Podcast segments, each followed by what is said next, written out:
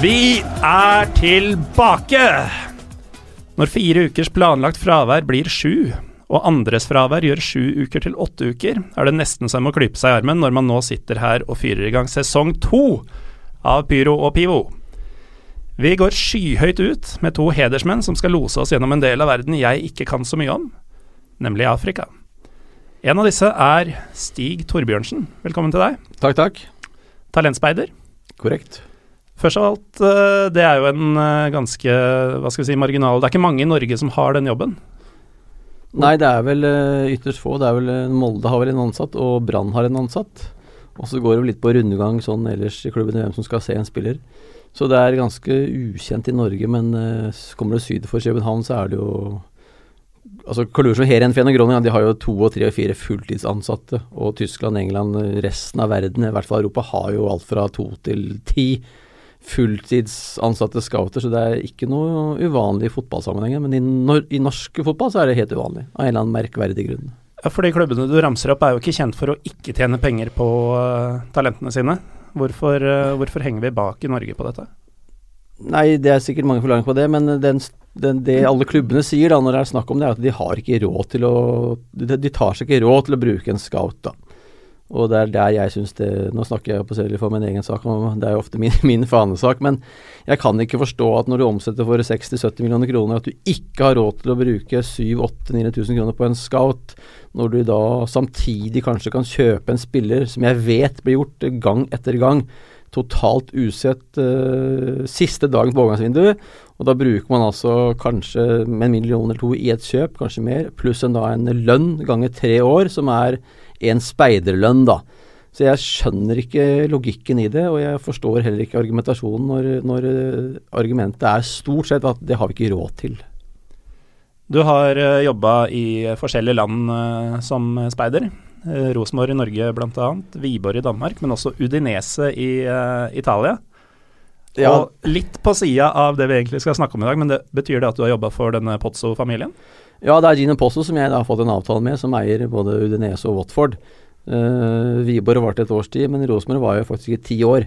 Så det var det som Det vel der jeg fikk meg litt navn og blei litt kjent for, for, fotballfolk, i hvert fall. Men etter ti år så var det, var det, slutt, og da fikk jeg en jobb i Wiborg, som, som, sagt. Og så fikk jeg en jobb i Udinese ganske raskt, og den uh, har jeg fortsatt, og fikk forlenget den her om dagen med to nye år. Så det er litt ok. Samtidig da som Wiborg gikk ned, rykket ned, så fikk jeg en jobb i Norrköping. Mm. Og folk kanskje stusser på at det går an å jobbe for to klubber, men uh, Norrköping Udinese, Watford er ganske stor avstand på nivå og økonomien. Så det er ikke så veldig Det er, det er veldig få ganger det kolliderer. Eller kolliderer vel egentlig aldri. Og Udinese-jobben er eh, si, ganske enkel. Den, den, jeg skal dekke Skandinavia for de. Samt at jeg har Gino Posso selv har sendt meg til Afrika en uh, to-tre ganger. Så det er litt enklere jobb enn en, enn en vanlig fulltidsscout. Så jeg føler meg på sånn deltid i Udinese Watford. Men sånn mellom oss uh, og de gudene veit hvor mange som hører på. Er de noenlunde normale folk, eller er det litt Gale-Mathias-preg, som det ofte er blant italienske eiere. Gino Posso er eh, noe av det mest seriøse og den beste mannen jeg har truffet innen fotballverden. Det høres kanskje helt spinnvilt ut, uh, fordi det foregår mye rart i, italiensk fotball. Men alle de jeg kjenner, både i Italia og rundt omkring i fotballverden, de får ikke rost egentlig Gino Posso nok. Og det kan jeg egentlig bare bekrefte. Han er en, en Jeg bruker ordet hel ved. Og, og, hvis det kan brukes som noen, noen eh, eiere i Italia, så er faktisk han en, spill, en, en mann som er hel ved. Han virker helt super. Og bare for meg, da, som jeg er en av veldig mange, hvis jeg sender han en mail på et eller annet fotball eh, eller en spiller, så svarer han i løpet av et kvarter hver eneste gang. Og det, er, det fungerer ofte ikke sånn. De, de, de, en venn kan jo bruke to dager på, på å svare på en tekstmelding, f.eks. Men han er utrolig dedikert utrolig på, og er ekstremt opptatt av fotballspillere, og det er det han har tjent tonnevis med penger på. Uh, å kjøpe og selge fotballspillere fra hele verden, egentlig. Og uh, ikke minst Afrika. Og den grommeste dealen, for å bruke, det ordet, er jo uh, Alexei Sancic, som han kjøpte for 10 millioner kroner, og som han solgte til Barcelona for 300. Uh, det er den beste, da, og sånt skjer ikke hver gang, men han har vært veldig god og flink til å spotte spillere Eh, fra hele verden, rett og slett, og, og tjene masse penger på dem. Dette betyr vel nesten at dersom Si Rosenborg hadde um, satt seg litt mer på speiding, så kunne de i sin tid hente Alexis Sanchez for 10 millioner kroner, hvis timinga var riktig.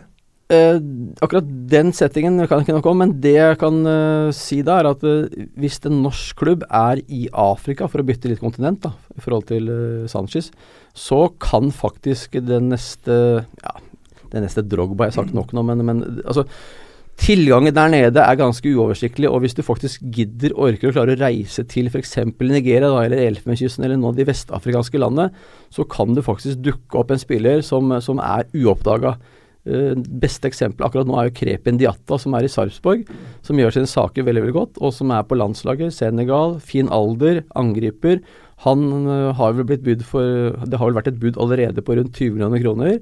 Og den type spillere, den går faktisk uh, og reker gatelangs uh, i, i vestafrikanske land. Det blir verre og verre, vanskeligere og vanskeligere, flere om beinet. Men allikevel, når Krepen Jatta dukker opp på et prøvespill i Sarpsborg, så klart det er mulig å finne gode fotballspillere i Afrika.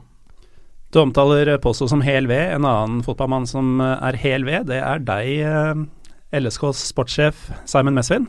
Velkommen til deg òg. Takk, takk. Du har jo, eh, i likhet med Stig, holdt jeg på å si, deala litt med det mørke kontinent. Eh, med vekslende hell, men aller mest med hell.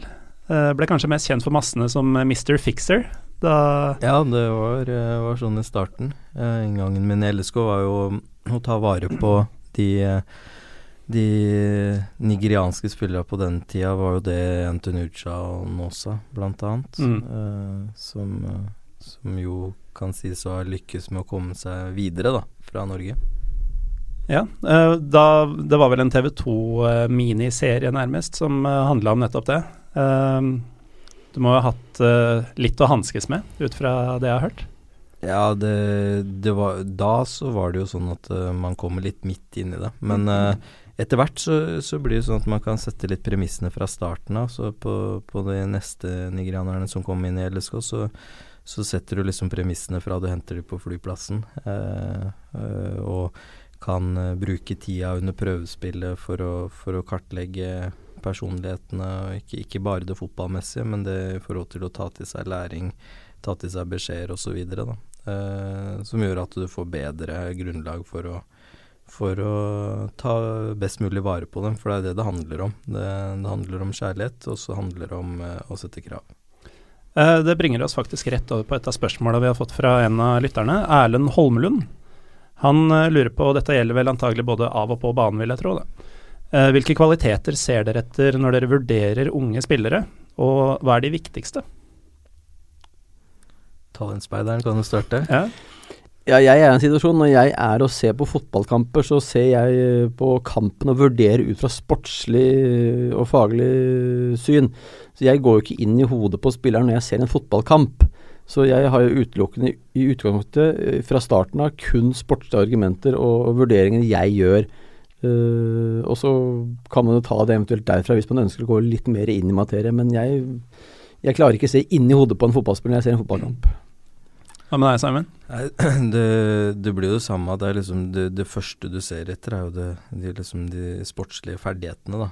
Uh, og så er men, men, men, utgangspunktet sånn helt helt i starten er liksom, og det, det regner jeg med Stig også, eh, blir satt premiss på i forhold til hva klubben og treneren og liksom hva, hva man er ute etter og se etter. Men så, så, er det klart at det eh, i seg selv vil jo snevre bildet, da. Eh, når, man, når, man, har satt uh, sånne premisser. Men for oss, LSK, eh, så, så, er det viktig sånn som eh, vi spiller nå og, og, og Arne Erlandsen har et spillsystem som alle er kjent med.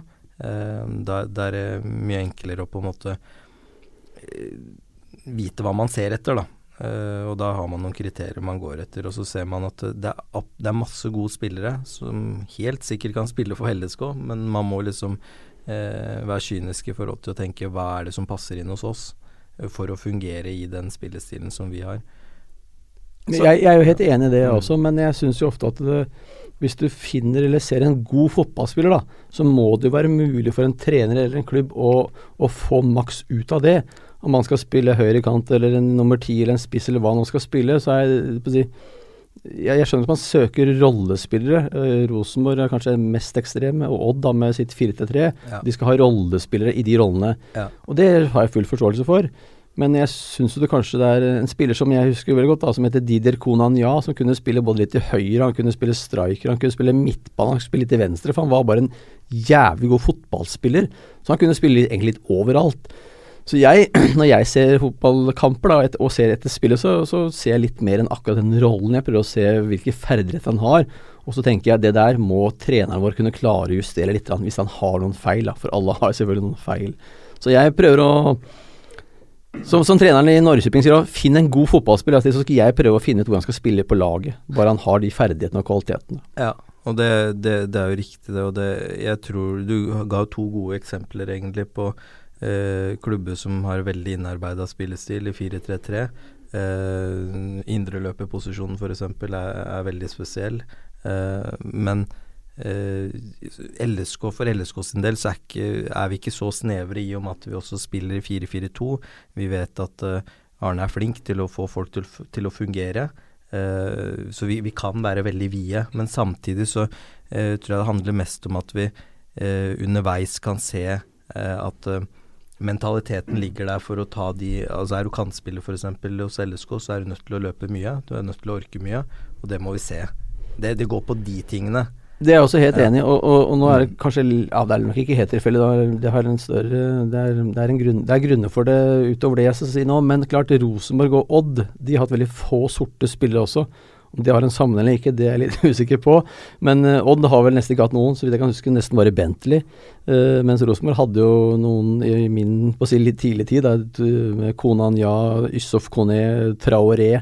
Antoniana også der. Så de har, de har hatt noen, da, men det, det, kan være noe med det, faktisk. Fordi jeg er veldig opptatt av de rollene, da. Mm.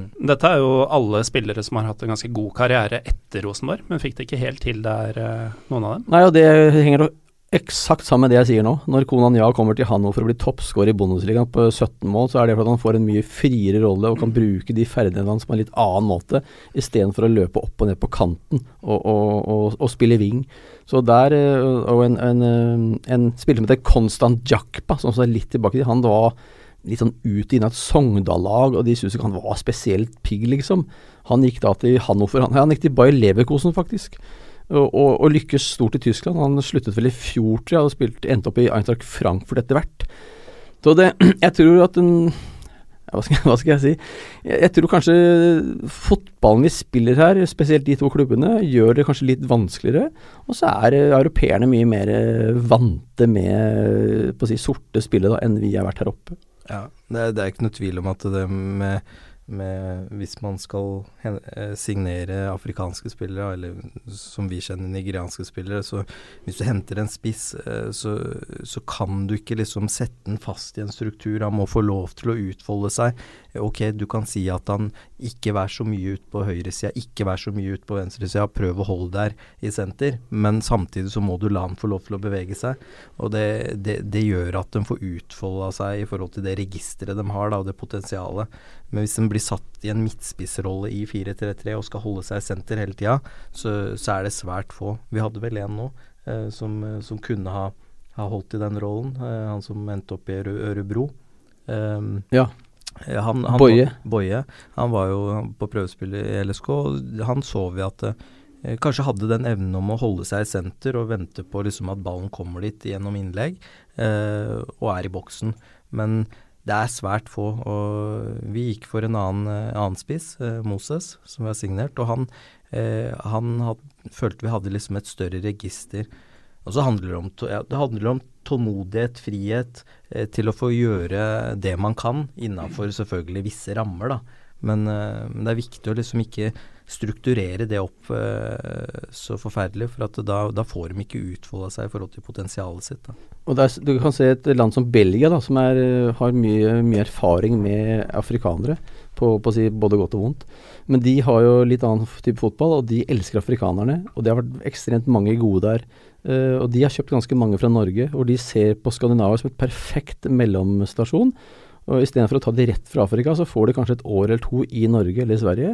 Og så de, følger de spilleren, og så tenker de nå tar vi. Og Så er det nok litt dyrere selvsagt enn å kjøpe fra Afrika, men da har de faktisk eh, fått sett at spilleren har et visst nivå, og så kjøper de de fra, fra Skandinavia. Så det ja, belgierne, franskmennene, de har et høyere nivå, så de kjøper ikke så mange fra Norge. Men belgierne de, de ser ofte til Norge og, og kjøper noen sorte spillere derfra. Men uh, nå er det jo fare for at dette blir litt uh, LSK-forherligende. Men uh, hva, hva, er det som Altså, si Sogndal og Rosenborg som har vært nevnt, da. Hvorfor henter de afrikanske spillere uten å få det til, og hvorfor får Lillestrøm det til i såpass stor grad? Er det bare deg, Simon? Nei, det, jeg tenker at i Jeg kan bare prate for hvordan det er i LSK. Jeg prater jo med andre klubber, og det har vært klubber de siste åra som eller ikke bare de siste åra, men i mange år, som, som ringer og spør og, og sånne ting. Og det er, det er, ikke noe problem å dele, for det er ikke noe hemmelighet, dette her. Det, eh, det er som jeg sa tidligere, det handler om liksom å, å, å, vise at man bryr seg, vise kjærlighet, da. Og så handler det om å sette krav, og så må man ikke fravike kravene. For at det, det er som Der er det jo generelt med, med unge spillere at det må stilles krav til. Uh, men, men, samtidig så må du bygge opp et, en tillit da, som gjør at Eh, de reiser fra andre sida av jordkloden, kommer til Norge og, og i håp om at uh, dette her er, er, gull for deres karriere, uh, en, stige, en, vei på stigen. Uh, men de aner ikke hva de går til. Og da, da kan vi tenke oss sjøl, da, hvis vi reiser til Nigeria, og jeg og Stig, og du Morten, og så, så, så kommer vi antakeligvis til, til, å holde hverandre i hendene i starten. Og så kommer vi til å være veldig usikre på alt som foregår. Internetten streiker sikkert eh, annenhver time der. Eh, internetten streiker faktisk i Norge også, og da er det viktig også å fikse det med en gang. For de kommuniserer gjennom Skype og, og, sånne ting, og de holder kontakt på den måten. Eh, men sånn, sånn generelt da, så, så, tror jeg at eh, Lillestrøm sportsklubb og alle som jobber der, byen, supporterne, alle har blitt veldig godt vant til nigranerne. Uh, og så føler de seg hjemme i en, bitte liten by i forhold til Abuja eller Lagos, men de føler seg hjemme, de syns det er stille og rolig der. De vet at det er en kontaktperson som de kan ringe hvis det er noe.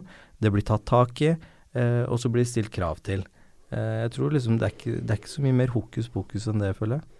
Men apropos dette med kontaktperson, så um, har jo Jesper Mathisen han har jo fortalt noen historier om uh, Bala Garba f.eks., og andre spillere han har spilt med, som uh, La oss si de slang skittentøyet i maskina, lukka døra, uh, satte seg ned og ba foran maskina og gikk og la seg i håp om at uh, tøyet skulle være reint dagen etter. Uh, hva er de rareste oppringningene du fikk? Du kan godt anonymisere spillet. Ja, ja det, det jeg, jeg, har faktisk tenkt på det ofte, for du, liksom, du går gjennom hodet på når, når, når bunker blir solgt nå, da, så går du gjennom hodet på hva er det Og jeg skriver noen notater, sånn at jeg kan liksom bli påminnet på hva er det man skal skru til eh, ekstra på på nestemann. Eh, hva er det man skal gjøre bedre. Eh, men jeg føler liksom at de eh, Det er liksom det er, det er, mer sånne trivielle ting som at uh, det kommer spillere som Du må være åpen for alt. For det kommer spillere som ikke kan vaskemaskin, ikke kan eh, sette på komfyren. altså eh, som, som, ikke vet de der mest banale tingene, hvordan det fungerer i Norge. Og, så du må ikke bli eh, overraska. Så det er egentlig det jeg hele tida prøver å påminne meg selv på, da. For at uh, det, det, hender at du gir en beskjed som du tenker er helt sånn plain, og egentlig veldig sånn basic, at du skrur av strømmen når du drar på, tilbake på ferie. Uh, men så kan det hende at da det man skrur av uh, sikringsboksen, holdt jeg på å si Så du, du, du, du skrur av alt, uh, sånn at fryseren og alt smelter, og, og du må bytte gulv etter en måned på ferie. Så det, det er uhell som skjer, men det er fordi gutta prøver liksom å gjøre det, det de får beskjed om hvis du tar det tidlig. Men hvis du lar det skli ut, da hadde det nok vært men jeg, jeg, kom nok inn i LSK hvor jeg eh, dro nytte av en del av de erfaringene som hadde vært. da. Og så fikk vi skrudd til bryteren på en del ting, og så er det mer, som jeg sier, sånne trivielle ting som eh, ikke nødvendigvis er sånn veldig gøyale å fortelle om, men det, det, det, går liksom på at du det er mye av de samme tingene. Altså, når vi selger spillere, så kan det hende at eh, leiligheten ser ut som en 18-åring har bodd der. Det, sånn er, men sånn er det med de norske spillere. Vi har hatt norske spillere som eh, du også må vaske opp etter, eh, som liksom nærmest lar eh, alt av klær Man har fått en stor kontrakt, så da trenger man jo ikke å pakke noe mer enn en snippeske og stikke av gårde, for man kan kjøpe nye klær der. Det er litt sånn Eh, det, men det tar jeg med dem, liksom, for du skal bli påminnet at ja, du tjener mer penger, men du må ta vare på penga. Nå leste jeg, nå prater jeg mye da, men nå leste jeg også noe utdrag fra den landslagsboka som kommer nå. Vi trenger ikke å reklamere for den, men der, der liksom ble det nevnt at det var PlayStation som bare ble lagt igjen fordi de, hadde, de tjente så mye penger, de gutta, etter hvert. Og altså, du trenger ikke å være på det norske landslaget før du ser at Eh, det at du får en stor kontrakt, gjør at du eh, bare lar ting ligge som har, egentlig har verdi. Da. Så, men eh, jeg må, jeg må, si at det der med eh, penger, det er jo viktig for nigerianerne. Men på en annen måte, for at de, de sender hjem veldig mye penger. Mm. Så du, du Jeg syns de er Jeg må egentlig si at jeg syns de er veldig flinke med, med penga. Det, det er ofte sånn at det har vært noen historier før, jeg har ikke, og jeg har ikke opplevd det med, med våre nigerianere, da, eh, på at det har blitt brukt penger og man sitter igjen med null fordi man har brukt det på mye rart. Altså man, man bruker det på familie, så det er heller den veien at man må passe på at eh, man må ha en porsjon penger til siste lønningsdag, sånn at man har til mat på bordet og sånne ting til seg selv. da. At man må sette seg selv litt mer i førersetet, sånn at man skal kunne eh, utvikle seg videre. For hvis man sender hjem alle penga og ikke får mat på bordet til, til de siste dagene før lønning, så, så, får du ikke prestert på banen heller. Jeg husker eh, Tony eh, Oja. Han dro dro på vinterferie hjem til Nigeria. og da dagen etter så hadde vel alle barna i landsbyen LSK-drakter. Ja. Så det er jo ja, er, også en ting å bruke penger på. De er, de er vel de største kundene på, på LSK-shoppen. Mm. De kjøper jo Og det, det, er i Nigeria og Elfenbenskysten og hvor, hvor, som helst, så ser du jo Du ser masse bilder. Og det jeg mener også, uh, det må vi få bekrefta siden, men jeg mener også at Adgen Benro, når han kom til Viking, så hadde han på seg LSK-drakt når han ble plukka opp på flyplassen. Ja, jeg, det vet jeg ingenting om, men jeg bare kan samtykke med at når jeg har vært en del i Afrika og sett, og når jeg er på kampplass, så plutselig så ser jeg en Haugesund-drakt på en som står bak i hjørnet, eller en Rosmøte Altså, det er helt vilt, og de, de, har alltid noen linker og noen forgreninger til mm. da spillere som er i Norge. Mm. Så det er helt. Det er veldig, veldig Det er jo veldig kult på en måte, men det er veldig sprøtt hvor, hvor kult det er for de å levere drakter, og hvor kult det er for de der nede å få en drakt. Det betyr tydeligvis alt. Mm. Ja, for det så du vel når du var i Nigeria uh, sammen med der i Ja, ja, vi var i, Nigeria i november i fjor, og ja. da kom det jo flere folk med Lillesand-drakter. Ja. Og, og disse proffene også var i Flere av dem var hjemme, vel? På ferie. Det også var veldig imponerende. Ja. altså Shima Chukwu og Aron Samuel De var jo sammen med oss hele uka for å se på kamper fra åtte om morgenen til, til det ble mørkt, og det var mørkt klokka seks. Og det, det, trodde jeg ikke de faktisk gadd. For de tjener jo, har tjent og tjener nok penger. Men at de faktisk gadd å henge med oss i, i, en ukes tid og se på løkkekamper, for å kalle det det, det var sånn overraskende. Mm. Og de faktisk de gjorde det fordi de var interessert, og de mm. ville være med oss og snakke med oss og mm. se fotball. Det synes jeg var jævla kult, faktisk. Mm. Veldig. Det tyder jo også på en veldig ydmykhet, at de husker hvor de kommer fra selv. Og jeg og Uh, skrøt du litt av Simon i stad. Jeg må bare si, rose Simon og Lillestrøm for det. Uh, fordi jeg tror når, når, de kommer opp hit, så møter de en sort mann som faktisk passer på dem, og det tror jeg de setter veldig pris på. Uh, når jeg har vært i Afrika noen ganger, så når de kjenner en meg i Norge når de kommer, så liksom, da er jeg deres holdepunkt. Så det tror jeg er veldig bra at, at, at Lillestrøm har forstått verdien av at Simon gjør en jobb som har gjort i mange, mange år. Og det tror jeg er en helt klart den største årsaken til at afrikanerne i Lillestrøm har lykkes. Vi har vært litt inne på det, men uh, dette med kulturforskjellene Nå er det jo sånn Man snakker om Afrika, uh, og så tenker jo mange at Afrika er Afrika. Det er det jo ikke. Du Stig f.eks. er jo hovedsakelig konsentrert om Vest-Afrika. Ja, nei, Det er litt funny det du sier der, fordi noen snakker til meg om Har du vært i Afrika i det siste? Og det er faktisk et kontinent ja. med 54 ulike land. Så det blir jo som å sammenligne en fra Færøyene og en fra Italia. Så det er ganske stor forskjell. Eh, fotballspillerne kommer stort sett fra Vest-Afrika, da. Det er det vestafrikanske beltet som genererer flest spillere. Går du til Premier League i dag, og hvis de sier at det er 100 afrikanere, så er det 95 fra Vest-Afrika. To fra nord og én fra syd. Så det, er store forskjeller i, på kontinentet, ja. For det er et, eh, sagt, et, et kontinent. Men Vest-Afrika er der det Altså gamle slavekysten, da. Og det var nok ikke tilfeldig. Når du ser de spillerne som kommer til Norge, når de tar av seg på overkroppen, øh, altså i alle land, da, så ser du hvordan fysikk de gutta har, og den har de faktisk fått utlevert. Uh, vi kaver fælt for å tilstrebe oss noe tilsvarende, vi hvite, men vi er ikke i nærheten, faktisk. Og de har jo fått en gave der, som gjør det litt enklere, faktisk, rent sånn fysisk sett. Mm. Når vi snakker Vest-Afrika i dette tilfellet, for de som ikke har Google Maps som favorittapp, så er det da Senegal, Ghana, Elfenbenskysten Kamerun, Nigeria må også legge inn der. Mm. Senegal øh, Ja, øh, Senegal belter bortover der med Liberia, Sierra Leone, Elfenbenskysten, øh, Ghana. Så kommer inn i kroken til Nigeria, Kamerun. Så går det ned til Gabon, mm. Kongo. Da vi, har vel de, de, de beste fotballandene i mitt hode. Selvfølgelig Sør-Afrika er et stort og fint land, men de genererer ikke så veldig med fotballspillere. Og hvis du ser rent fysisk på det, så er de satt sammen på en ganske annen måte. De er veldig små, ganske kortvokste og litt spinklere. Så det er nok eh, Jeg tror det ikke er tilfeldig at de ikke er så representert som de kanskje burde vært, og som folk tror i den store hovedverden. For det er, det er veldig ytterst få sørafrikanere som er veldig, veldig gode. Men dette med kulturforskjellene det er jo et mye større punkt enn mange kanskje tror. Man tenker at ja, de kommer fra Afrika, de er annerledes sånn sett. Eh, kanskje har de en annen religion. Men eh, det er jo mye, mye større enn som så. Vi, var litt, eh, vi snakka litt om det tidligere i dag, eh, Stig. Det er jo fasilitetene man er vant til, f.eks. Det, det går jo ikke an å tenke seg for noen som ikke har vært der. altså dusj etter trening f.eks. er ganske selvsagt for oss. Ja, nei, det er uh, helt ekstremt uh, annerledes, da. Og det har jo ikke vi noe formening om, anta antageligvis. Vi har ikke sett det. Men uh, jeg har sett det på nærtall flere ganger. Men det, det, blir jo som at folk spiller i sko som ikke har knotter fordi det er utslitt. de spiller ikke sandaler på det nivået, men de spiller jo gatefotball med sandaler eller, bar, eller barbeint. Men de har jo ofte ikke drakter, og de, altså etter kampen så er det ikke noe dusj. Det er kanskje å finne en flaske vann og, og helle over hodet. De kjører jo i bil i syv timer i en, for, i en liten sånn dårlig 18-seters buss som det ikke er selvfølgelig aircondition i, og det er 40 grader utafor.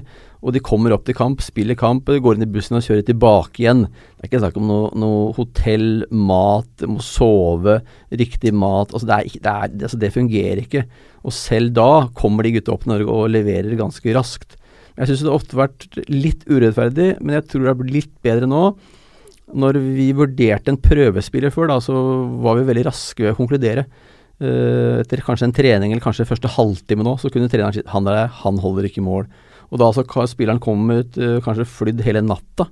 Uh, han har fått nye sko, nytt utstyr som kanskje ikke passer helt heller. Han spiller på kunstgress, som er ganske uvanlig. Han spiller kanskje i snøføyka ute. Da er det litt innehaller, da, men det er ganske mange uh, si, nye elementer da, som han spilleren skal absorbere på veldig veldig kort tid. Men der tror jeg folk, uh, klubben har blitt litt flinkere etter hvert. Så å se en prøvespiller, du må gi de gutta litt mer enn første, første firkanten. Det, det, holder ikke. Uh, du må heller ikke gi det i tre måneder, men uh, du ser jo mange afrikanere bruke litt tid på å slå igjennom. Eh, de må tilvenne seg både treningsmengde, treningstype, underlag, spillestil, klima. Det er jo ekstremt store forskjeller. Men hvis du har litt tålmodighet og, og, bruker tid på det, så ser du jo hva en afrikaner kan generere av inntekter, både altså av Rent salgssum er jo for så vidt greit, men når du har solgt en spiller for mye penger, så har du antageligvis også indirekte levert noe på laget ditt som gjør at du kanskje har kvalifisert deg til en e-cup, eller kommet syv plasser høyere på tabellen, som gjør at du får en del mer penger, f.eks. TV-penger.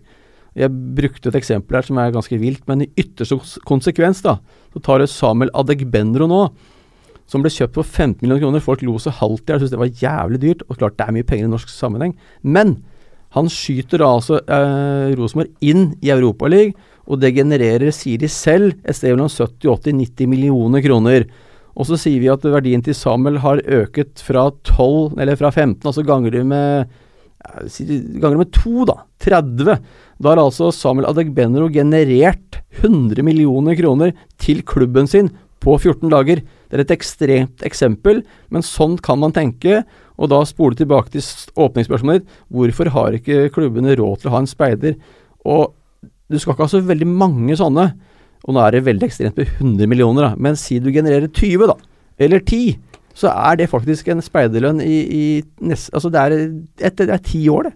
Og det, det er ganske mye den speideren får gjort på ti år. Både ved å se og hente inn en spiller, men ikke minst da, det der med å si nei til en spiller fordi de kjøper masse spillere som egentlig ikke er gode nok, men som de ikke aner noen ting om, så tar de en sjanse. Hadde du hatt en speider, så kanskje du kunne avverga bare ett sånt i året, og da er lønna hans også da tjent inn bare med ett, eh, et, eh, et, kjøp du ikke gjør, da. Uh, nå blir dette et lite apropos og et veldig lite tall i, den, i det store bildet, men når du snakker om eh, speiderlønninger, regner du da også inn reisekostnader og den type ting? For det ja. er vel også noe som Men altså, så, Jeg vet ikke hva man skal si i lønn, da, og det er jo ikke noe kjent her i Norge, men en speiderlønn Si Han tjener en halv million kroner, da. Og så reiser man for 250 000 kroner. Så er en, det, er syv, det, er, det er en, en, en, en spillelønning, vil jeg si, da. Spillerne i dag tjener rundt det, og noen tjener mm. mer, og noen få tjener litt mindre. Men det er en gjennomsnitt spillelønn da du kan bruke på den figuren der, sånn, da. Inklusiv reiser. En ganske fet jobb du har, har jeg inntrykk av? Ja, det er ganske fett på mange måter. Jeg får lov til å jobbe med hobbyen min, som er jobben min. Eh, en kombinasjon der. Jeg får reist eh, og sett masse ulike både fotballspill og kultur og andre land, så jeg klager ikke. Å komme på besøk til Åråsen innimellom. Det er alltid like hyggelig. det er det grommeste alt, å få komme på Åråsen. Ja. Nei, men det, det, er, det, er, en fin jobb, det er ingen tvil om det. Men jeg har jo på å si, litt selvvalgt. Jeg har ingen familie, jeg har ikke noe kjæreste, jeg har ikke barn. Uh, og man jobber stort sett i helgene. Da folk uh, da reiser på ferie eller er på fest eller gjør noe sosialt, da er ikke jeg hjemme stort sett, da er jeg et annet sted. Så det blir jo litt sånn lonely rider oppi det hele. Så får man selvfølgelig en del kollegaer uh, rundt omkring i verden som er veldig hyggelige, men det er jo ikke noe sånn samvær med det sånn i privatlivet ditt. Så det blir en litt sånn ensom jobb, og du jobber på ugunstige tidspunkter. Og så er det ikke så fett å være i Nigeria og i Kamerun, altså. Det må jeg bare si. Selv om det kan være, høres veldig spennende ut. Men det er hoteller uten vann, og det er hoteller uten TV, og det er busser som ikke fungerer, og det er passkontroll, og jeg har vært i en borgerkrig, og det er mye sånn Det er ikke så jævlig gromt heller, da. Det er det ikke. Det med borgerkrig må vi jo innom, fordi jeg liker å føle meg litt hard innimellom når jeg forteller folk at uh, jeg har vært i fotballopptøyer med tåregass i Istanbul ikke én, men to ganger. Du har vel for så vidt vært i Elfenbenskysten ved utbruddet av to borgerkriger? Ja, jeg har for så vidt det. Det begynner å bli litt tid tilbake. Da. Jeg husker ikke når den første var, i 2003 eller noe sånt. Men da ble det en borgerkrig, og det brøytet akkurat når jeg var der, eh, faktisk på en turnering. Så da ble alt stoppet og, og, og kuttet. Og da var det jo litt uh, Følte meg ikke veldig høy hatten når man, man hører helikoptre virre rundt, og man hører skudd fra, ja, fra maskingevær, da. Uh, så, så, det var ikke så veldig Det følte meg ikke sånn helt safe da. Uh, nå var jeg på et hotell da, som var litt sånn skåna for det verste, men uh, dette skjedde jo i en by som ikke jeg var i. Jeg var jo i Abidjan. Dette skjedde i en by som het Bouaké. Så jeg følte meg ikke sånn livstruende, men det var ikke noe veldig kult. Jeg ville jo egentlig hjem med en gang, men det var jo ikke mulig, fordi flyplassen var eh, på å si, Rebellene hadde tatt flyplassen, da. Så det var liksom ikke Det var ikke så trygt. Men uh, igjen, jeg følte meg ikke truet på livet, gjorde jeg ikke. Og det klarte jeg faktisk å gjøre det samme noen, noen år etterpå. Da var, skulle jeg bare innom der og hente en, en venn, og så skulle vi reise til eh, Burkina Faso. Og da også skjedde det akkurat den, da, land, den, dagen jeg landet, så skjedde det tilsvarende. Men da ble det litt stoppet, så da kom jeg meg ut faktisk to dager etterpå. Så vært uh, borti noe sånt, uh, noe sånt uh, som ikke er så veldig hyggelig, egentlig. Også. For oss som ikke kjenner det politiske bildet i uh, Elfenbenskysten særlig godt, hvem er uh, de styrende makter, og hvem er opprørerne i disse tilfellene? Nei, Det kan jeg ikke nok om, men, men uh, det er jo en styrt av en president, og så er det da no, alltid noen som vil styrte presidenten, og det blir da kalt rebellene her. Og de klarte ikke denne gangen der, da, men de tok liksom nord da, i landet, så ble det var rebellene som styrte i lang, lang tid, faktisk. Mm. Så er, eh, sånn er det jo stort sett i de fleste afrikanske land. Det er ofte en president som, eh, som er enehersker. Det er litt stygt, men eh, det er noen land som Nå skal jeg til Ghana faktisk neste fredag. Og det er et land som jeg føler meg veldig komfortabel og trygg, og ikke noe Hoteller fungerer, veier fungerer, det er noen kjøpesentre. Jeg føler meg aldri trua når jeg er ute på gata der, egentlig. Hva står på menyen i Ghana? Da er det en turnering som heter Wofo-turneringen, som er da en turnering med landslag som eh, bestående av hjemlige spillere. Og det syns jeg er en ganske interessant turnering, for det er jo, si, det er jo de spillerne du kan få. Ser du på A-landslaget til Elfenbenskysten eller uh, Senegal eller Kamerun, så er jo alle si, topp, topp stjerner i Europa, så det kan du bare glemme. Men drømmen til både meg og Simon er å finne den neste, da. Som, som skal spille på det landslaget om, om et år eller to eller tre. Eh, hvis du er smart nå, Simon, så kjøper du en GoPro som du fester til uh, panna til Stig før neste fredag. Ja. Men tilbake til fotball. Det var vi jo for så vidt allerede. Men for deg, Simon, som, som, jobber i en norsk klubb. hvordan er det å forhandle med, si, hva er det det heter, Warrior Wolves, kontra å forhandle med Ullkisa eller Sogndal? Er det veldig annerledes? Ja, det, det, man, man, må jo ha kjennskap, eller bekjentskap. For det, det, er, klart at å, å å tro at en norsk klubb bare kan liksom eh, begynne å forhandle med en nigeriansk klubb eh, uten å ha noe eh, mellomperson der nede som liksom har kontakter og liksom kjenner til disse, har en relasjon. Det er jo der Atan ikke kommer inn. Mm. Eh, veldig mye er liksom eh, framforhandla før eh, de prøvespillerne kommer. Eh, og så kjører man grønt lys eller rødt lys på, etter et prøvespill, og der er jo nøkkelen, som, som, Stig nevnte, tålmodighet. Tålmodighet egentlig hele veien gjennom prøvespillet, og også etter signering.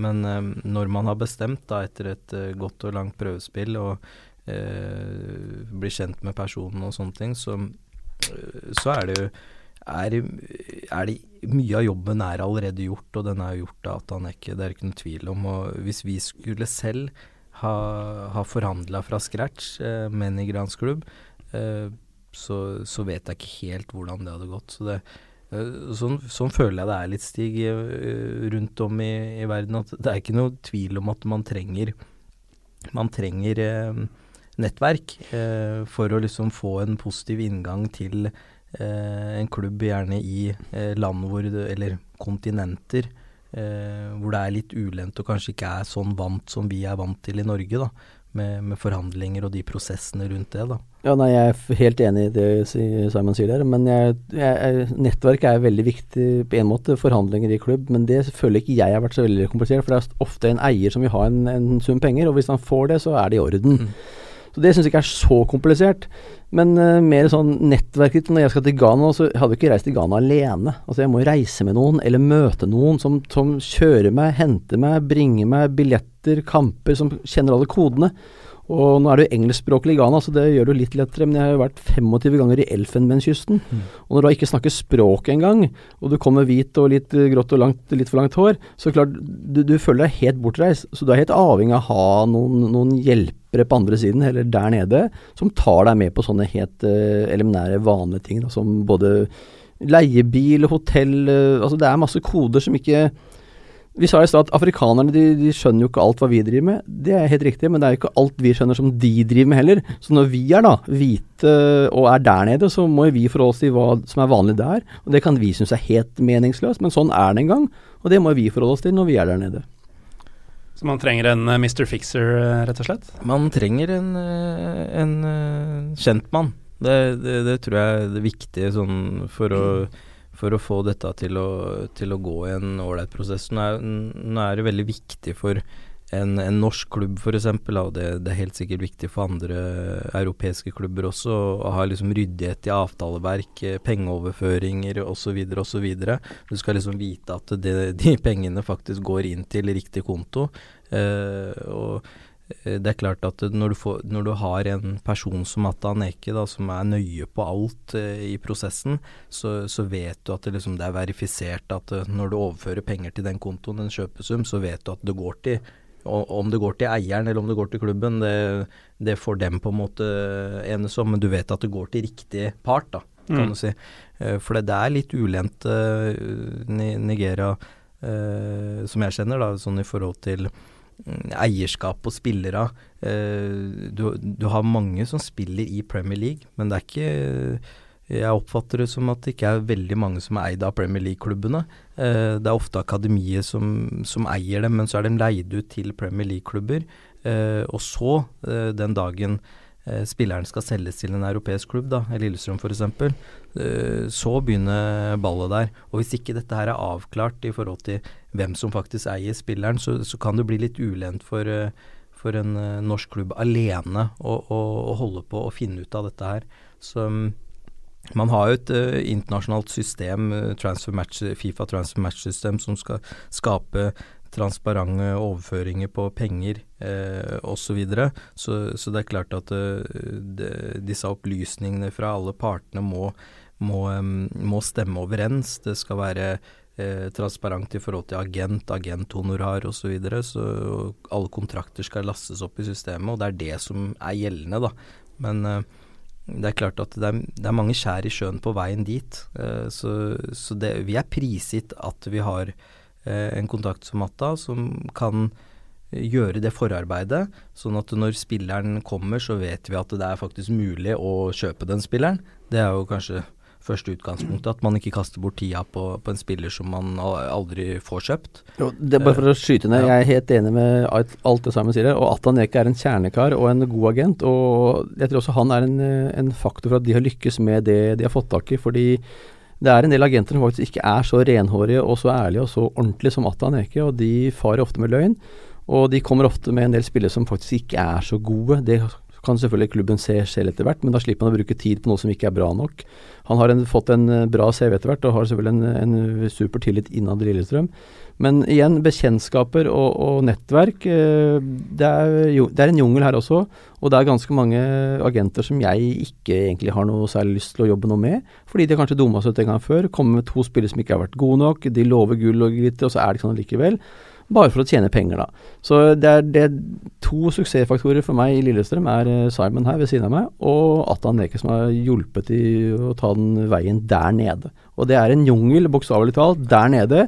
Samme som det er en jungel for de når de kommer opp hit, faktisk. Ja. Og er, du har nevnt det først, Stig, det derre med tanke på at du, du, du, gjør suksess med én nasjon eller nasjonalitet, og så forfølger du det sporet videre, og så gjør du det gjentatte ganger. og det jeg tror nok eh, For oss så har jo det vært en trygghet med Nigeria. Vi har prøvd Elfenbenskysten. Vi så med Fofana, så gikk det Altså, det ble en suksess Hvis vi måler suksess i at vi får solgt spilleren videre Han gjør en innsats for oss. Siste året var han veldig god i Eliteserien, og så blir han solgt videre. Det er uh, en suksess for oss. Um, men, men, det er klart vi så at det med språk det, altså ting tar, det, det tok lenge, mye lengre tid i forhold til integreringsprosessen. Og det at, å få den til å liksom spinne mm. videre på den positive utviklinga. Eh, men når du ser eh, Nigeria eh, opp mot Nigeria, så har vi liksom forfulgt det sporet. For det er en trygghet for oss i forhold til Atta, i forhold til at vi har suksess. Vi vet liksom Vi har lært oss å kjenne. Jeg kan til og med litt sånn hva heter det, pigeon English, wet in the happen. Det er liksom eh, du, du, by, du, begynner å lære deg å kjenne. Og det er, det er et vanvittig kontinent, Afrika. Foreldra mine og Jeg har jo en opprinnelse fra Eritrea. Der er det bare løpere. Løpere og noen som sykler litt. Um, ikke mye til fotballspillere, men, uh, men allikevel så er det, det det er store forskjeller. Og i Nigeria så er det vel er det 150-170 millioner? De, sier at det er 180 registrerte millioner mennesker ja. i Nigeria. Og når det er 180, så er det, 100, nei, er det 200. Da er det sikkert mm. 20 millioner til som ikke er registrerte. Ja. Så det er, det er, jo Vi snakker jungel av ja. mennesker. Og 200 millioner mennesker i et land som er ganske lite. Du skjønner jo at det er fullstendig kaos, og det er også. Ja, det, det var noe sånn som Altså var det et uh, par tusen forskjellige klaner. Altså det, det, det, er liksom det er en, et spindelvev av, av fors, forskjellige kulturer i, i, det samme landet. Så det er klart at når vi sier at uh, Ofte sier at liksom det er en forskjell på en, en, trønder og en østlending. Men det er store forskjeller. og Jeg tror også nøkkelen i det at vi, vi er veldig på Det blir veldig enkelt for oss å generalisere for vi til Afrika. Eh, de og vi. Men så er det liksom Nøkkelen er at det er forskjell på Anti Nuja til Bunki Innocent, til eh, Matthew, til Charles, som er den nylig signerte spilleren. Det, det, er forskjeller på dem, og det er viktig å liksom uansett gi dem tålmodighet til å liksom få fram hvem de er. Og så må du ta det for det der, og så må du skru til bryteren på der du trenger. Men det, det er jo så, altså Vi sier jo nigerianer, ja. Ja, men En nordmann, da. Altså, en fra Kristiansand og en fra Laksevåg skulle plutselig reise det. Det er jo selvfølgelig ekstrem forskjell på de to der. Mm. Men vi tror at en nigerianer han, han er jo lik alle de andre Ja. nigerianere. Ja. Selvfølgelig er han ikke Ja, det. Men vi tror jo det. For vi generaliserer veldig at en afrikaner er en afrikaner som er helt spinnvilt. Og nigerianer er en nigerianer. Det er kanskje litt tettere, men det er ekstreme forskjeller. Og bare for å bruke da Laksevåg, skråstrek Kristiansand, så er det selvfølgelig helt ulike personligheter som, som kommer derfra. Ja, Ja, så det er jo landet som Edvin Esod... Nei, unnskyld, uh, Antonioja og Nåsa Igibor, ikke sant. To av de snilleste, kanskje litt naive, i hvert fall en av dem, eh, menneskene jeg har møtt. Det er jo samme land som Boko Haram opererer i, ikke sant. Det er jo, det er jo helt vilt. Og så Mm. begynner man å snakke om Afrika som, som en enhet også. Uh, det går jo ikke. Jeg håper vi har klart å belyse det til en viss grad. Ja, det går ikke. Når vi tenker på sånn de og vi, da, uh, så, så er det sånn Det er litt artig, for at man, man tenker eh, Den fella som kanskje mange går i, er at du, du henter to nigerianske spillere, og så tenker du ja, men de kan bo sammen. Ja, men dem er jo dem er som brødre. Uh, men de er liksom akkurat som oss. At vi, vi ønsker vår private space. Eh, vi ønsker å eh, greie oss på egen hånd. Og det, det Ja, de kan bo sammen litt, eh, men, men la dem få hvert sitt sted. Og så er de mye sammen allikevel, men eh, jeg tror vi liksom ikke må, må eh, gjøre det for komplisert. Vi må egentlig bare tenke at de, eh, de er sine egne herrer, de er individualister de også, så må vi legge til rette for det, da. Vi har eh, fått et spørsmål eh, til Stig fra faktisk din speiderkollega, en som holder på rundt på Balkan, Fredrik Visør Hansen. Han lurer på om det finnes noen klar fellesnevner blant de eh, afrikanske importene som lykkes. Jeg tipper svaret er nei. Nei, det eneste jeg kan si, fellesnevneren er at det er vestafrikanere som lykkes. Det er vel det eneste fellesnevnet jeg kan si. Ellers så det har jo alt fra, vært alt fra venstre bekker til eh, høyre vinger. Så noe fellesnevner sånn sett kan jeg ikke si. Kun eh, området Vest-Afrika. Og hva er det som er felles da? Altså er det, er det fysikken, er det holdninga til sporten, eller er det bare sånn det er? Nei, det er jo bare sånn det er. Men jeg, var inne på den vestafrikanske fysikken, i landet som ligger der, de har, eh, de er satt sammen på en annen måte, rett og slett. Rent fysisk sett. Og det har de jo fra naturens side. Og at det lykkes en fra Senegal, en fra Ghana, en fra Kamburu i Norge, det jeg vet ikke om det er noe felles trekk med de. Kan være helt ulike. Det er bare at det er da fotballspillere som vil til Europa. Har en, eh, en annen ting som vi kanskje ikke har vært inne på, de har jo en ekstrem sult da, til å bli gode. Og, og, og de går gjennom uh, murveggen for å komme til det målet, kontra kanskje en god del norske spillere som har det altfor godt. Det har jo noe med sånn et samfunnsspørsmål. Men de har en enorm drive, da. Og bare det å sende penger hjem, det gir de en veldig tilfredsstillende eh, case. Og, og da blir litt sånn Da blir litt stjerne, litt oppheva, de føler seg veldig kule.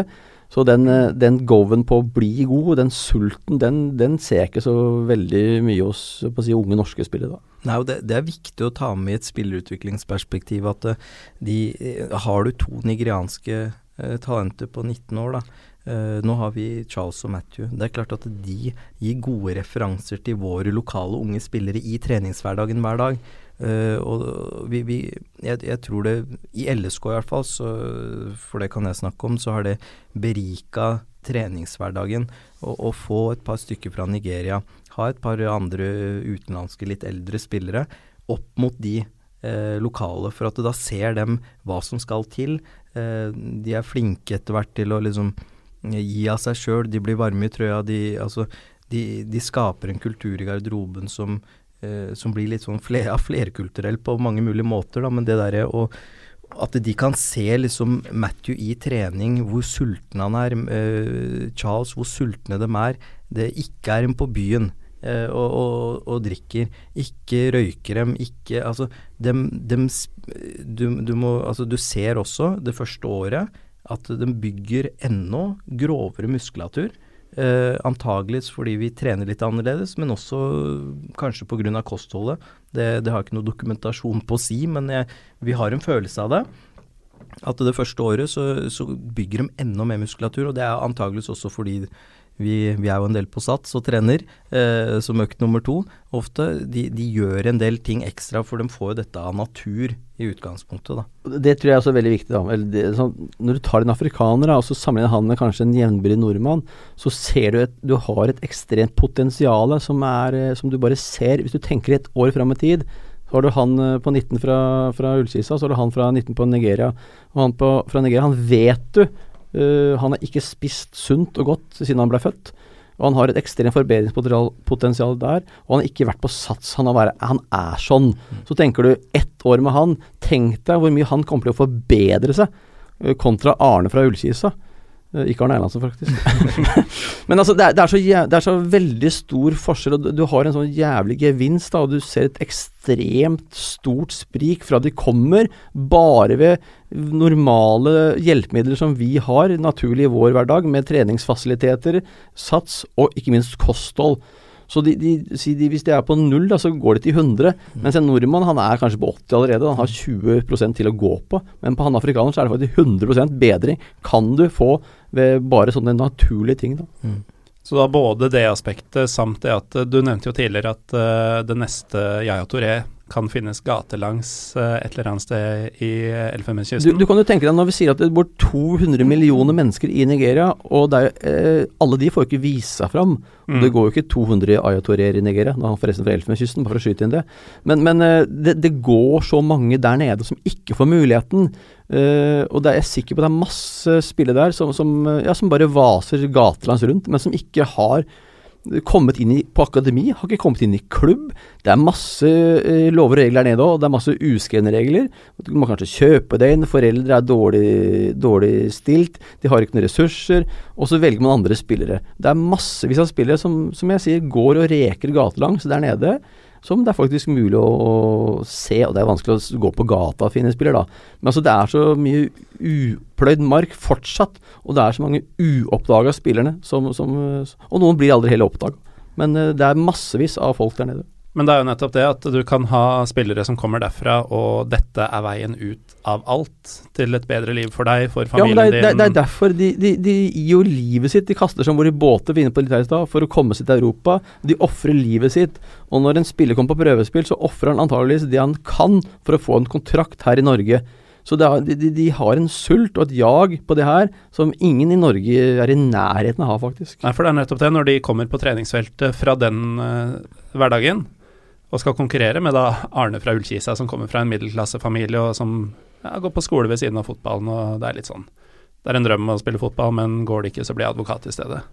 Helt riktig. Eller jeg, jeg har ikke penger, så da spør jeg bare fatter'n, så får jeg en ny PC, eller jeg får en ny bil. Ja, altså, alt er på fløyel, og det er ikke noe galt med det. Uh, for det er jo fint at vi bor i verdens beste land å bo i, men bare sånn fotballen da, og en afrikaner versus Arne fra Ullkisa, så er det faktisk uh, han, fra, han, han, fra, Ghana eller Nigeria, han, har faktisk et mye større potensial sånn fotballmessig. Da. Og da, da, er jo spørsmålet eh, kan man fylle et uh, Hvorfor fyller man ikke et helt uh, eliteserielag med sultne nigerianere? Og det, det, er der jeg føler at uh, nøkkelen er litt at man, man, er ikke for mange samtidig. At man tenker litt sånn posisjonelt, at man f.eks. ikke henter to spisser samtidig, som på en måte egentlig spiser hverandre opp i forhold til å ta den ene posisjonen. For som regel så spiller man med med en norsk eller en, en europeisk spiss, og så spiller man med en nigeriansk spiss. Um, vi har to midtbanespillere, men de kan, altså midtbanespillere kan ofte spille kant, de kan spille sentralt. Uh, de, de, tråkker ikke i hverandres um, i hverandres utviklingsløp. Da. Så det, det, er også litt sånn nøkkelen. Og så er det det med ressurser. Altså hvis du skal Du bruker ganske mye tid. Eh, det, det, er jo en, en, diskusjon hvor mye tid man bruker kontra hva slags avkastning man får. Men så ser man, man ser jo verdien av det. Det er derfor man gjør det. Eh, men hadde man, hadde man hatt eh, fem da, kontra opp mot tre, Uh, som vi mener er liksom grensa for hvor mange du skal ha samtidig, så kan du sette mye mer trykk på de tre og, og, følge dem opp på en mye bedre måte enn hvis du har fem eller seks da, i en klubb som LSK. Større klubb, antagelig større muligheter, større ressurser til rådighet for å følge opp, da. Vi er nødt til å gi oss, vi.